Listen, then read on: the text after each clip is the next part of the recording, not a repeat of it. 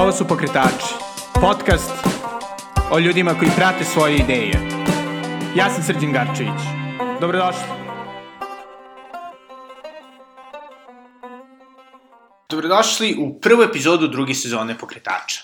Veoma mi je drago što sam ponovo sa vama posle dva meseca, tokom kojih sam napravno radio da ovu sezonu učinim još boljom i zanimljivijom od prethodne. I za vas imam izuzetnog gosta danas. Današnji gost je neko koji je za mene otelotvorenje ideala pokretača.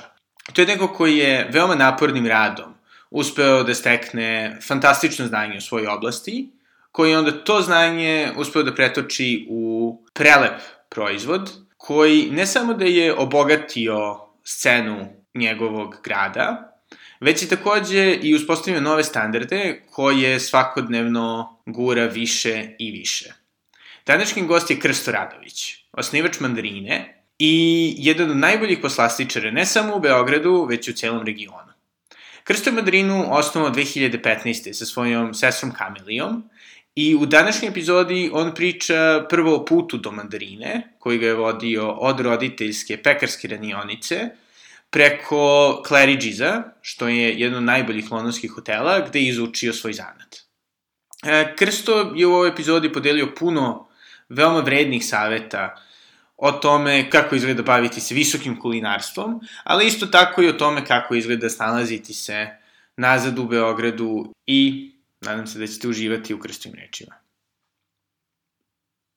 Čisto ukratko, kako je došlo do mandarine? Pa mandarina je nekako plod dugogodišnjeg našeg rada, pošto ipak mi smo ponikli iz pekarskog familijarnog biznisa i mi smo odrasli u pekari naših roditelja. Od kad smo prohodali, muvali smo se po radionici. I nekako ja sam nastavio školovanje za poslastičara, sestra je otišla na neku drugu stranu, ali ipak ta ljubav prema privatnom poslu, prema obavezama, prema odgovornosti, radu, je uvijek bila u nama. I onda taš, uvijek je bila ta želja da se nešto svoje otvori, a i osjećao sam da je vreme za mene da krenu. I nekako poklopile su se sve uh, kocke, sve karte. Studirali ste, to jest obrazovali ste se prvo u Americi, pa onda u Britaniji, da. gde ste i živeli. Ove, kako je to izgledalo? Radili ste u Claridge'u, koji je od najboljih da. hotela. Znaš šta, ja sam, i to svima pričam, ono, baš ponose na moju poslastičarsku edukaciju.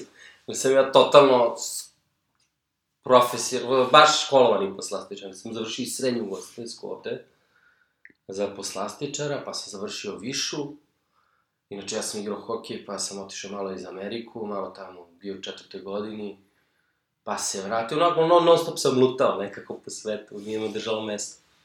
Uh, otišao sam, završio višu ugostiteljsku ovde, i nekako otvorio se konkurs za Claridge's, i ja sam se prijavio, prošao i nekako, eto, Britanija, mlad, željan, zna, željan ono, svega i da naučim i da napredujem i da upoznam ljude, jer nekako London je savršen grad za to.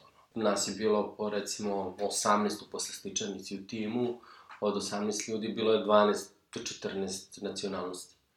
I nekako ceo taj onako šarenolik svet, ljudi, svi smo bili nekako slična generacija i što sam jako ponosan je ta moja generacija koja je tu bila i svi smo nekako radili 4-5 godina. Ja sam bio, jel te, šest u Claridge'u, ali ja tako, svi su se zadržavali prilike 4 godine. Svi su jako uspešni. I sad um, srećemo se po sajmovima, prezentacija. I nekako napravili smo neku našu malu komunu i podržavamo se. A je li bilo onako kao, ne znam, u, u, ono, u svim serijama sa Gordonom Ramseyom, onako, da. vikanje... Znaš šta, odlazak za London, mislim, ja sam, meni je možda bio lakši odlazak za London, jer sam ipak imao tog iskustva ži, života u inostranstvu. Okusio sam to i da se osamostališ i da se boriš sam za sebe i sam sebi da krčiš put.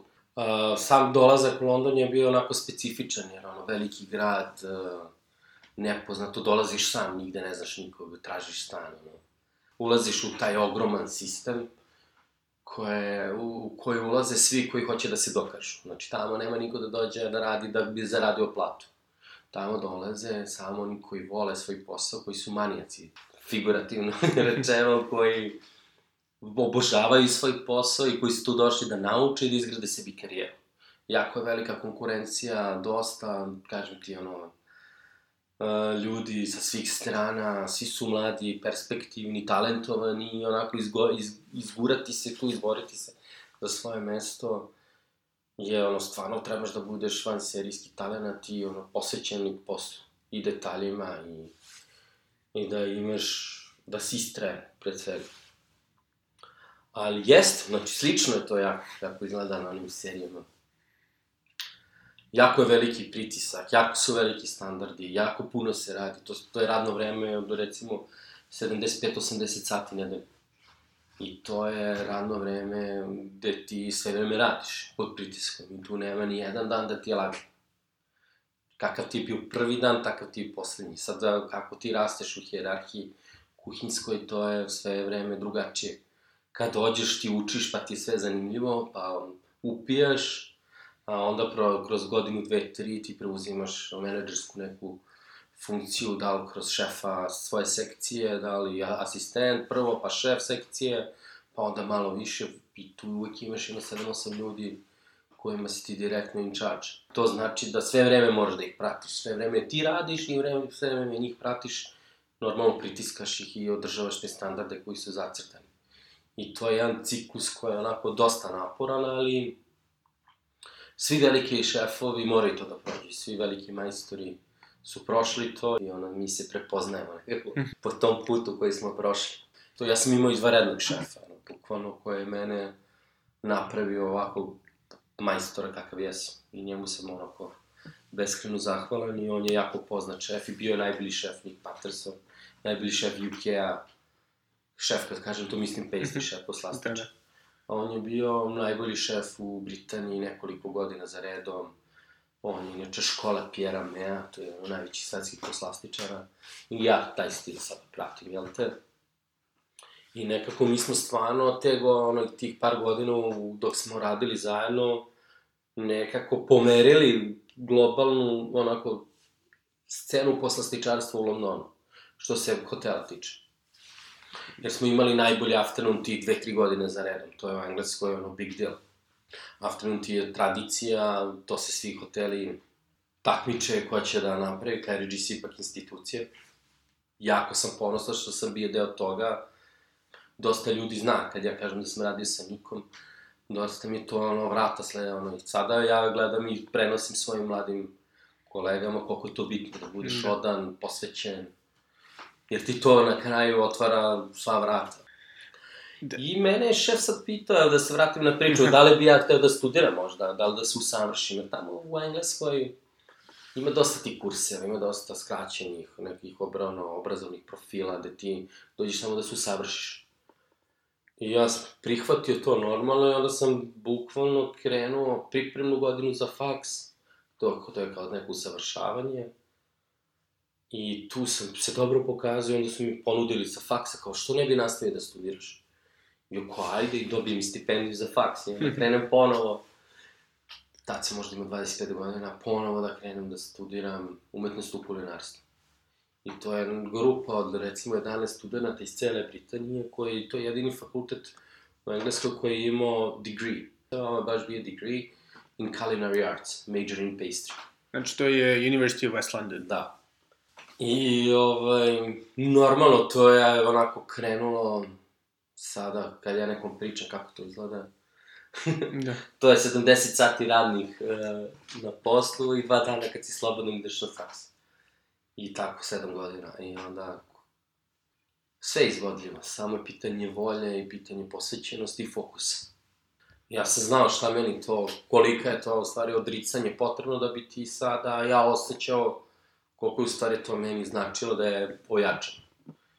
Što se tiče znanja, što se tiče discipline, onako šire vizije što se tiče posla, nabavljanja, u stvari, ceo obrazovni sistem engleski je takav i kod mene na faksu bio da te one nauče kako ti da sakupiš informacije, da ih obradiš i usmeriš u svoj sobstveni razvoj.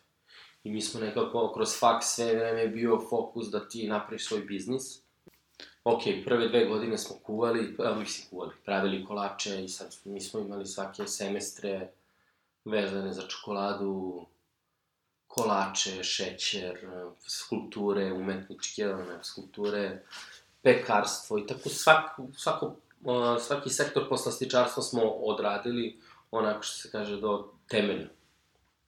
A sve ne te i teraju da pišeš, pa da istražuješ, pa to što si napravi moraš da znaš i da opišeš i da napišeš o tome. Tako da je to bilo baš kompleksno i onako naporno, ali intenzivno. I onda ti kad izađeš, ti si morao da napraviš biznis plan, pa si morao da prezentuješ biznis plan menadžeru banke koji da li će on to da odabri. I nekako sve vreme je to bila neka priprema za ovo što će da...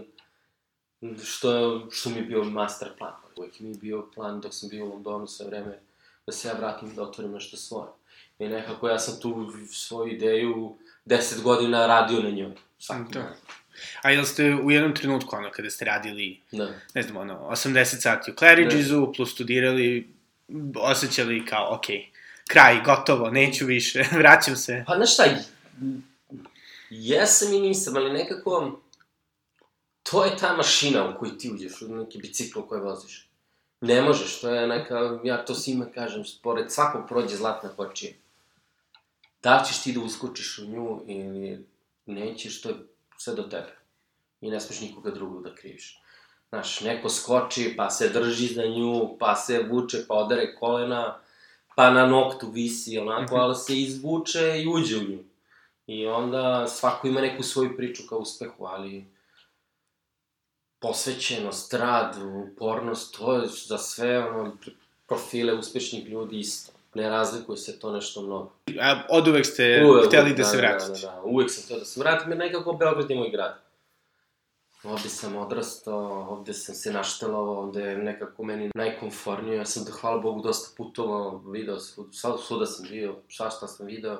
Ovo je moja baza i nekako, znaš, tu su moji drugari, meni nije bio problem da steknem drugi prijatelji bilo gde.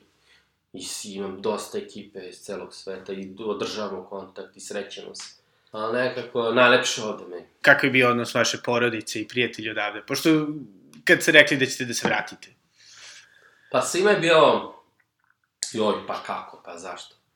Ali ipak ja sam ono, ipak školovao se i dobio državljanstvo i mogu sam da živim bilo gde u svetu i bio sam na dobroj poziciji da sam mogu da biram, jel, jel te, dobra strana naše profesije poslastičara je da možeš da radiš bilo gde. Bukvalno izaberi hotel, ja sam da izberem bilo koji hotel, bilo koji poslastičanicu, restoran, pošaljem CV bilo gde u svetu i dobit ću posao. Najverovatnije. Tako da je to dobra strana. Ali eto, bilo je onako raznih, i dan danas se čujem razne komentare, pa što si se vratio, pa šta ćeš ovde, mislim, meni je ovde lepo što moraš da radiš i da se boriš gde god da si. Ako hoćeš da si uspešan, isto ti recept da li si ovde u Londonu ili, ili u Americi ili gde god. Kako zapravo izgleda jedan tipičan dan u mandarini za vas? Pa, znaš, sada, to se menja onako iz dana u dan. Zato što kad smo počeli, krenuli smo mali. Sestra i ja smo ono zajedno to krenuli i podelili se ono više marketing i prodaja. Ja sam više proizvodnja i ono organizacija. Jer ipak ja mnogo više znam o tom poslu nego sestra, sestra iz marketinga. I super smo se podelili i super sarađujemo. Tako da, nekako krenulo je od toga da ti radiš sve, bukvalno od nabavke, odeš u nabavku, dovezeš, proizvedeš, očistiš, juriš da prodeš, ono, kad imaš svadbu, odvezeš svadbu, postaviš. Do toga da sada, eto, kroz tri godine mi imamo već tim koji došao do 26, do 30 ljudi, varira u zavisnosti od posla. Da sada mi interno, bukvalno moramo da se menjamo da može zaposliš ljudi koji će da delegiraju neke određene faze u poslu. Ali u mandarini je onako dan uvek sladak. da, da. sladak jer ovaj, mi smo se trudili da zaposlimo ljude stvarno koji vole svoj posao. I nekako svima priča moraš da dođeš da uživaš, mi se bavimo kreativnim poslom i svi su nekako motivisani i vole svoj posao, vole da rade, vole to što je dosta kreativno, što se mi brzo menjamo, što nekako uvek tražimo novu inspiraciju u svemu, da su to godišnje doba, da li je to neka nova čokolada koja je stigla, da li je to neki novi trend koji se u svetu pojavio, da su to neke, misli, sada ti kad pogledaš šta mandarina ima od proizvoda, to su krasani, to je zanat za sebe. Praline i čokolade, to je totalno, biznis, ono, i zanat i biznis može da bude za sebe. Pa onda svadbene torte, catering, kolači, kanapeji, to je jako kompleksno i dosta tu ima faza u samoj proizvodnji, tako da, da dan u mandarini je jako aktivan, dosta informacija, kad imaš svoj biznis ti odlučaš o svemu i nekako to što se kaže sam si svoj gazda, to zvuči lepo i primamljivo, ali ti si sam svoj gazda 24 sata svaki dan. I kad odeš kući, kad legneš, ti misliš šta se dešava, kako i za... I moraš da misliš za 30 ljudi, ali nekako pametno kada radiš, pametno kada zapošljavaš ljude, kada ih raspoređuješ na određene pozicije, ti u stvari gledaš kako sebi da olakšaš i njih da postaviš da gde, gde će biti najproduktivniji. I, a šta biste rekli da je onako najteže u vođenju mandarine? Postoji jedna stvar koja vas nervira. Pa, nekako ja i sestra mnogo volimo svoj posao i onda ne, ono, nije ti ništa teško, ali mislim da taj ono manjak kadra koji se dosta razliva, pogotovo tog ugostiteljskog kadra. Prvo, ono, školovanje poslastičara mladih je, ono, 30 đaka po generaciji gde, ono, jedno deljenje na ceo Beograd je ništa. Eto, uzmite za primjer, recimo, ekonomista, koliko se škola, ono, ili pravno, ima 5000 učenika po godini. Nepotrebno kadra, a poslastičara ima 30. Od toga 20 nezainteresovano. Jednostavno ne možeš, nema dovoljan broj ljudi koji će da prihvati tvoju strast prema poslu i da sedne i da nauči. I od tog posla može jako lepo da živi.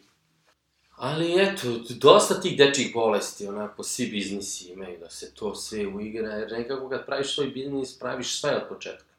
I standarde, i procedure, i organizaciju, i strukturu radnu, i, i nekako interne standarde, internu komunikaciju, jer ono to sa pet ljudi lako ide, ali sa puno...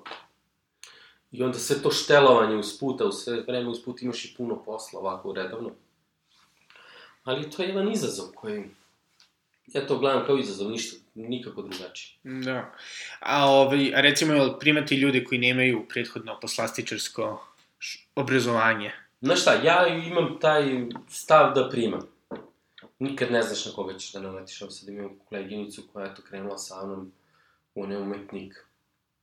Nikad nije radila ni sa čokoladom, ni sa ni ali voli to, ima osjećaj za lepo i nekako, ono, kad neko voli nešto, ima talenta, za čas se to nauči, sve, ali to je s jedne strane, imaš takve slučaje, imaš druge, druge strane slučajeve gde imaš dosta tih foodies, ono. Mm -hmm.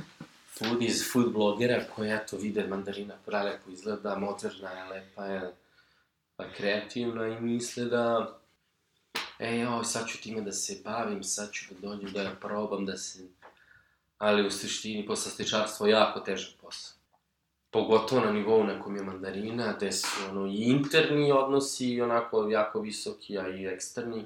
Ti ne možeš svaki, svaki dan moraš da budeš na visini zadatka i moraš da radiš puno i na, radi se na nogama. I ti od kad dođeš, od kad uđeš do, dok ne izađeš, ti si sve vreme aktivan.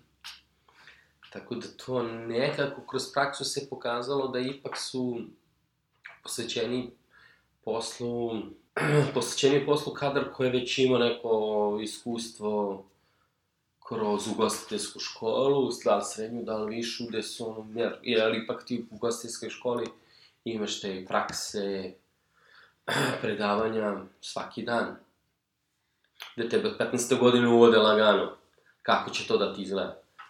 I ti kad kreneš da radiš, ti imaš već ono 6-7 godina nekog radnog iskustva kakvog takvog, da vidiš kako tu u stvari u kuhinji izgleda.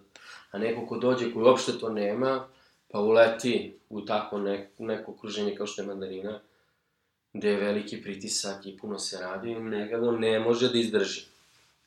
Tako da nikad ne znaš. I ja uvek procenim da li neko ima kapaciteta za to kroz neki probni rad, da i oni vide da li se tu pronalaze, ali ipak težak je put, težak je rad. Da, i šta biste rekli prilike?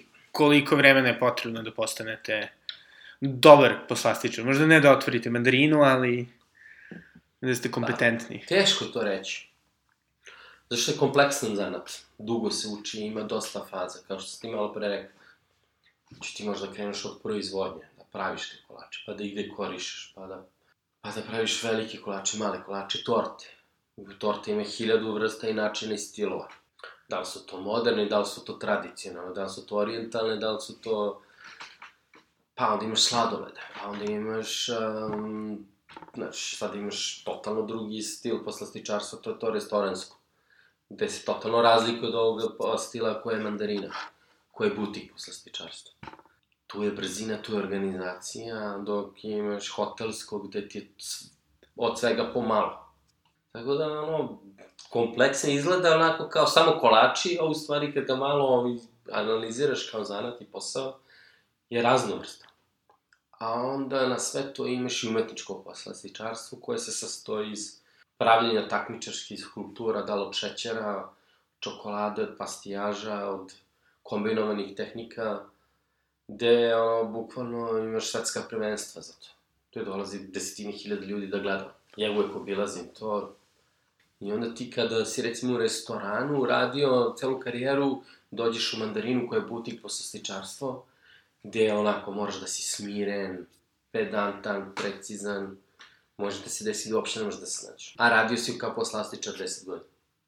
Dok neko ko je radio u mandarini, da je tako naštelovan na ono precizne radove, posvećene detaljima, da ode u, ovaj, u restoran gde je ono haos kompletan svaki dan jednostavno ne može da se pronađe tu jer totalno je drugačije.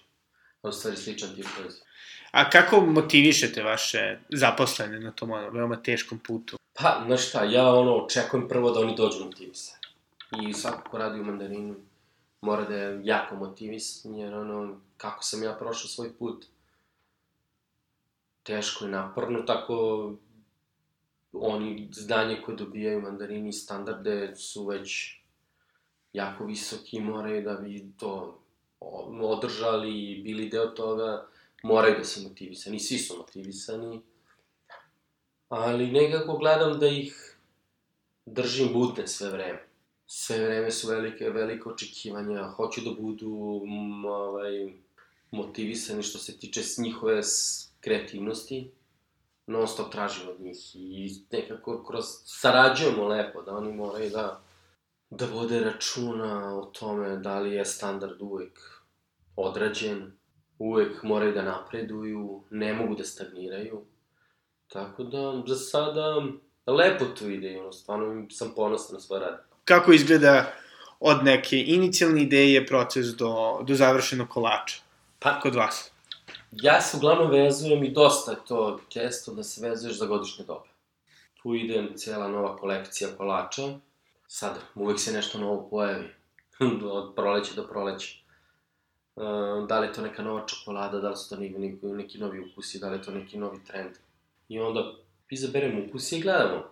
Skiciraš, vizualizuješ, prva vizualizacija, već sam ja sad iskusan, pa mogu i da ja već napravim u, u menice u glavi i onda ga nacrtam i, Aha. i onda krene, ovaj, ali je dosta kompleksan. I to je nekako vrhunac poslastičarstva. Izgleda lako i jednostavno, u stvari je dosta kompleksno. Jer jedan kolač se sastoji iz nekoliko ovaj, segmenta. Znači, to je oblik, to je boja, to su teksture, a, to su ukusi. Znači, teksture se sastoje da će da bude mekana, hrskava, tvrda, meka. Da li je to mus, da li je to neki dželi, da li je ovaj, ceo doživljaj kako se jede mora lepo da bude izbalansirano i uklopljeno. Da bi to bilo nekako na tom nivou koji smo mi sad već ono, dostigli i održavamo. A isto tako imaš i 18 sledeći, do ono, kolača koji su uz taj koji si pravio, a isto tako si napravio 100, 100 kolača pre toga, pa onda ne smeš do njih da se ponavljaš. I onda to stalno traženje i pronalaženje nekih novih i ukusa i i tekstura je u stvari najlepši deo posla. To je negde gde ono, ja ono se sklonim i krenem da crtam i... Mislim, tu sad analiziraš i, i šta drugi rade, gde se kreće celokupno tržište, uvek nađeš neku ideju, da li iz detinjstva i sam pre neki ono, leto sam ono, probao grožđe neko koje sam totalno zaboravio, nisam, nisam ga probao ono, kad sam dete bio. A to je grožđe raslo, tamjanika neka, neka sorta koja raste negde u šumadi, teško se nalazi. A to je bilo kod de babi i dede u dvorištu, i onda sam i probao, ono, ja, onda se vratili memorije, onda pet dana sediš i smišljaš kako nekako da je uklapiš. I eto, iz takvih nekih Aha. primera tebi dođe nešto. Znači, ono, skoro prustijansko, da. ono, probate Madlenu. Ja. Da. Tako da ja za svaki svoj kolač imam priču i mogu da ti sad pričam bukvalno za svaki. Gde je nasto, kako je nasto, zašto je nasto, zašto je tako izbalansiran, koliko je vi... I time se mi ponosimo i mandarina sve vreme kroz komunikaciju sa našim klijentima, jel, koji, jel te, koji dolaze, hoće da iskomunicira to da smo mi u stvari totalno zanacni i da. kreativni i mi ne ništa nema, ok, možda pratimo neki svetski stil koji je onako dosta sada u tom vrhunskom poslastičarstvu zastupljen. Ali što se tiče samih proizvoda, tekstura i ukusa, sve sam ih ja smislio, malo, manje više. Sad je moja sestra došla na taj nivo da ona isto zna kako da razmišlja u procesu stvaranja i nekako sve više i više ljudi koji vole to hranu i dolaze ku naš tim i onako, e, ajmo probamo ovo, ajmo da probamo ovo. Tako da je tu stvari lep osjećaj kada onako od jedne ideje, e, ajde da probam, do toga da se nekom sviđa i ti vidiš kako on sedi na klupi tamo i jede i uživa i super mu je i i piše komentare o tom i zadovoljen je, kako nema lepšeg osjećaja za, za mene kao majstora i vlasnika. Onako, I to je zapravo ono zašto se ja i ovim bavim. Dim. Nema drugi razlog, onako, nekako, jedino zašto se bavim je to da je ono, šta ja smislim da neko uživa u to. A, ali se isto dosta širite i van poslastičarstva, recimo, dobro, kruasani, što je tradicionalno da. pekarstvo, onda sada i slani kruasani, ili razmišljate možda još da se proširite? Pa svašta imamo na umu, ali mora polako, pažljivo i jedno po jedno.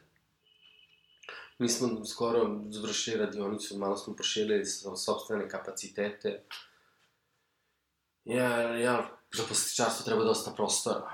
Znaš, svaki taj segment od posla što sam ti nabrojao, zahteva i mašine za to, prostor za čuvanje, za skladištenje. Ne možeš da praviš čokoladu u, vlagi. Ne možeš da praviš čokoladu u, u prostori gde je temperatura više od 24 stepena. Jednostavno ne izvodi. Znači, za čokoladu ti treba mikroklima i za čuvanje, skladištenje i rada. Sve drugo, svi faktori, da to bilo svetlo, vlaga, njoj ne odgovara i ne možeš da uradiš pravilno. Jednostavno, isto tako i za krosane. Ne možeš da radiš u hladnoj prostoriji.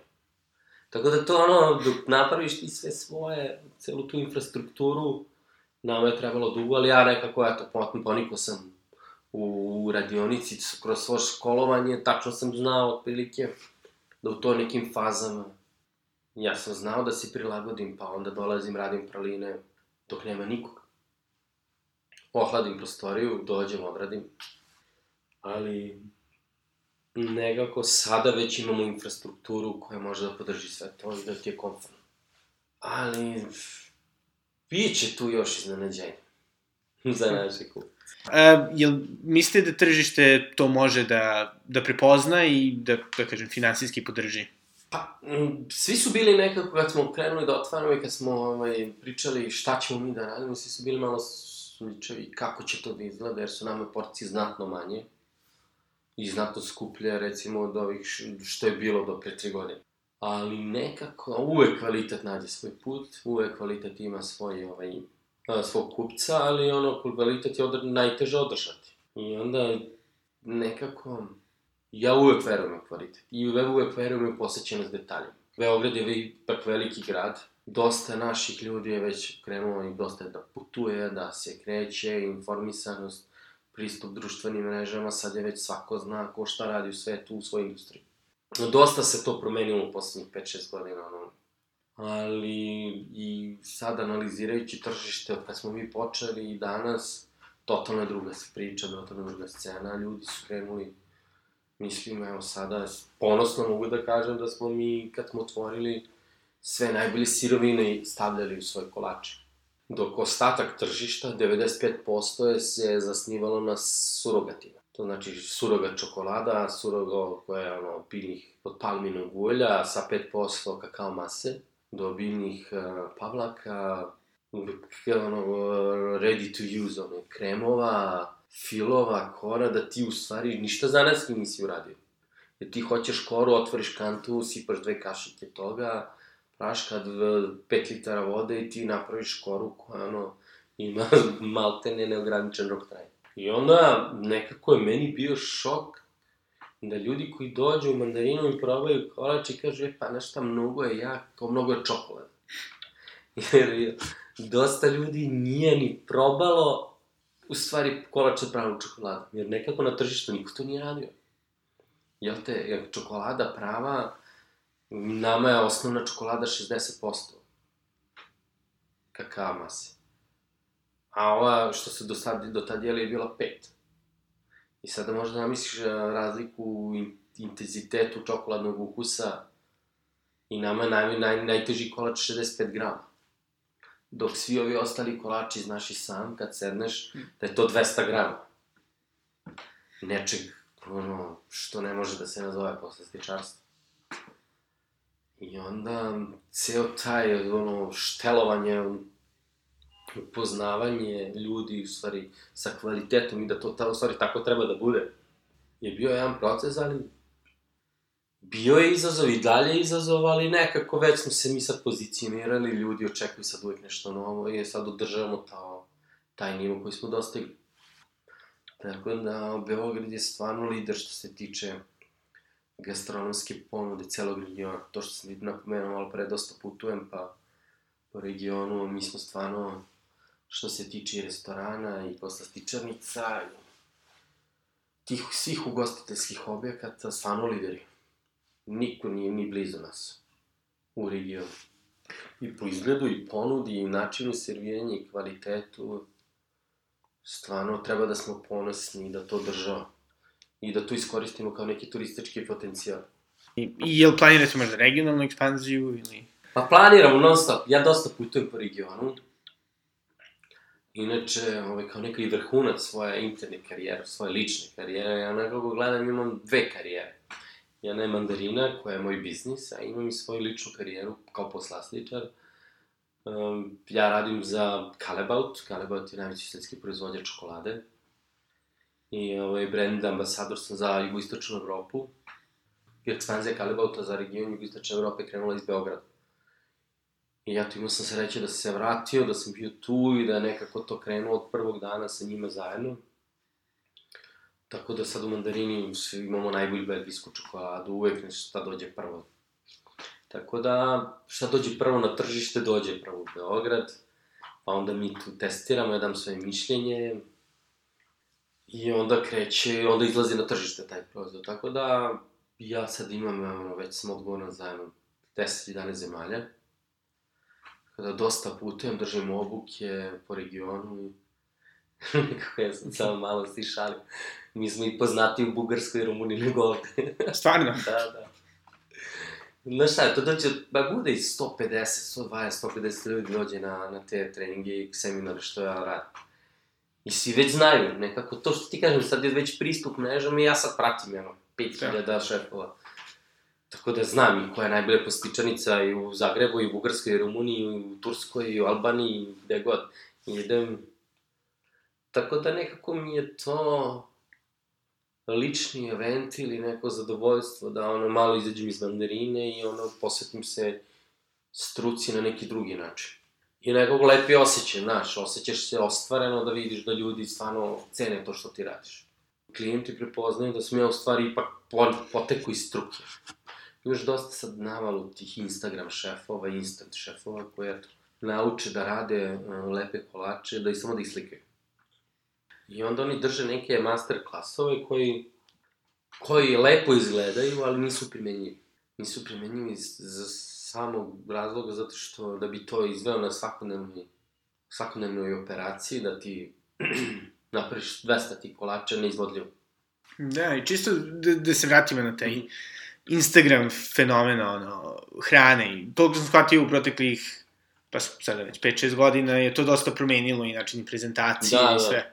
M- Jel mislite da mandarini, ono, to, to više odgovara, obzirom da ste, ono, prilično, da su elegantni kolači? Pa, mislim, Instagram je sjajan alat.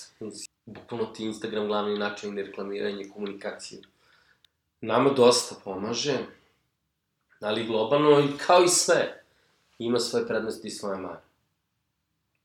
Dosta je tu, to što sam malo pre napomenuo, dosta je tu krenula poplava plagijatora, ljudi koji ono, ništa nisu radili za struku, a znaju lepo da slikaju i da pa te onda poredi sa njima, ono, ili sa nekim, kime god.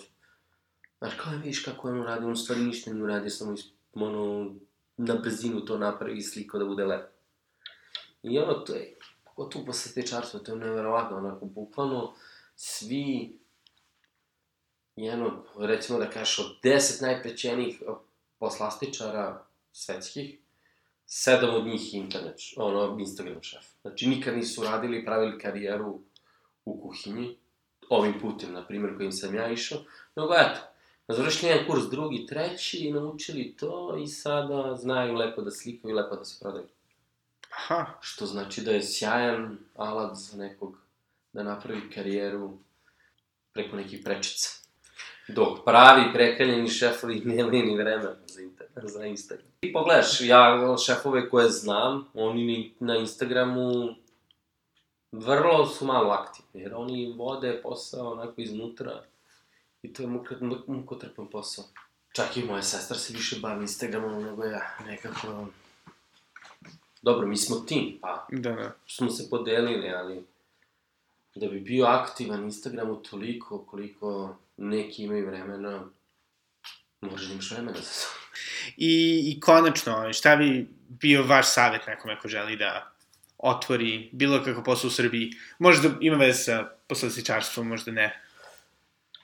Pa, za koji bilo, za koji god posao da se odluči ljudi, prvo, prvo stvarno moraju da vole to što radi. Nekako ne može bez ljubavi ta strast prema poslu i prema ono da ti nije no, zarada i profit nekako na prvo mesto. To je pokretač svega. 85 sati nedeljno, Zabava. 85 sati nedeljno spreman da si, da si spreman da se žrtvuješ i da nekako moraš da ono, i budeš istrajen u tome i da si spreman da rizikuješ i finansijski i sa svojim slobodnim vremenom i sa svojim jer težak je put nemaš mnogo pomoći ni od države ni od ni od sistema nekako, nekako sve sobstvenim snagama, mišićima svojim sobstvenim zalaganjem. Ali nekako ono, kad voliš i kad si isto tako ono, ja svima pričam ono, postoji vreme u životu i u svom sobstvenom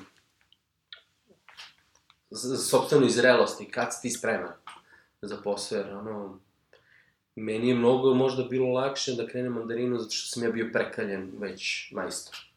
I nije kad sam otvorio i kad sam nabavljao opremu, ja sam tačno znao šta meni treba.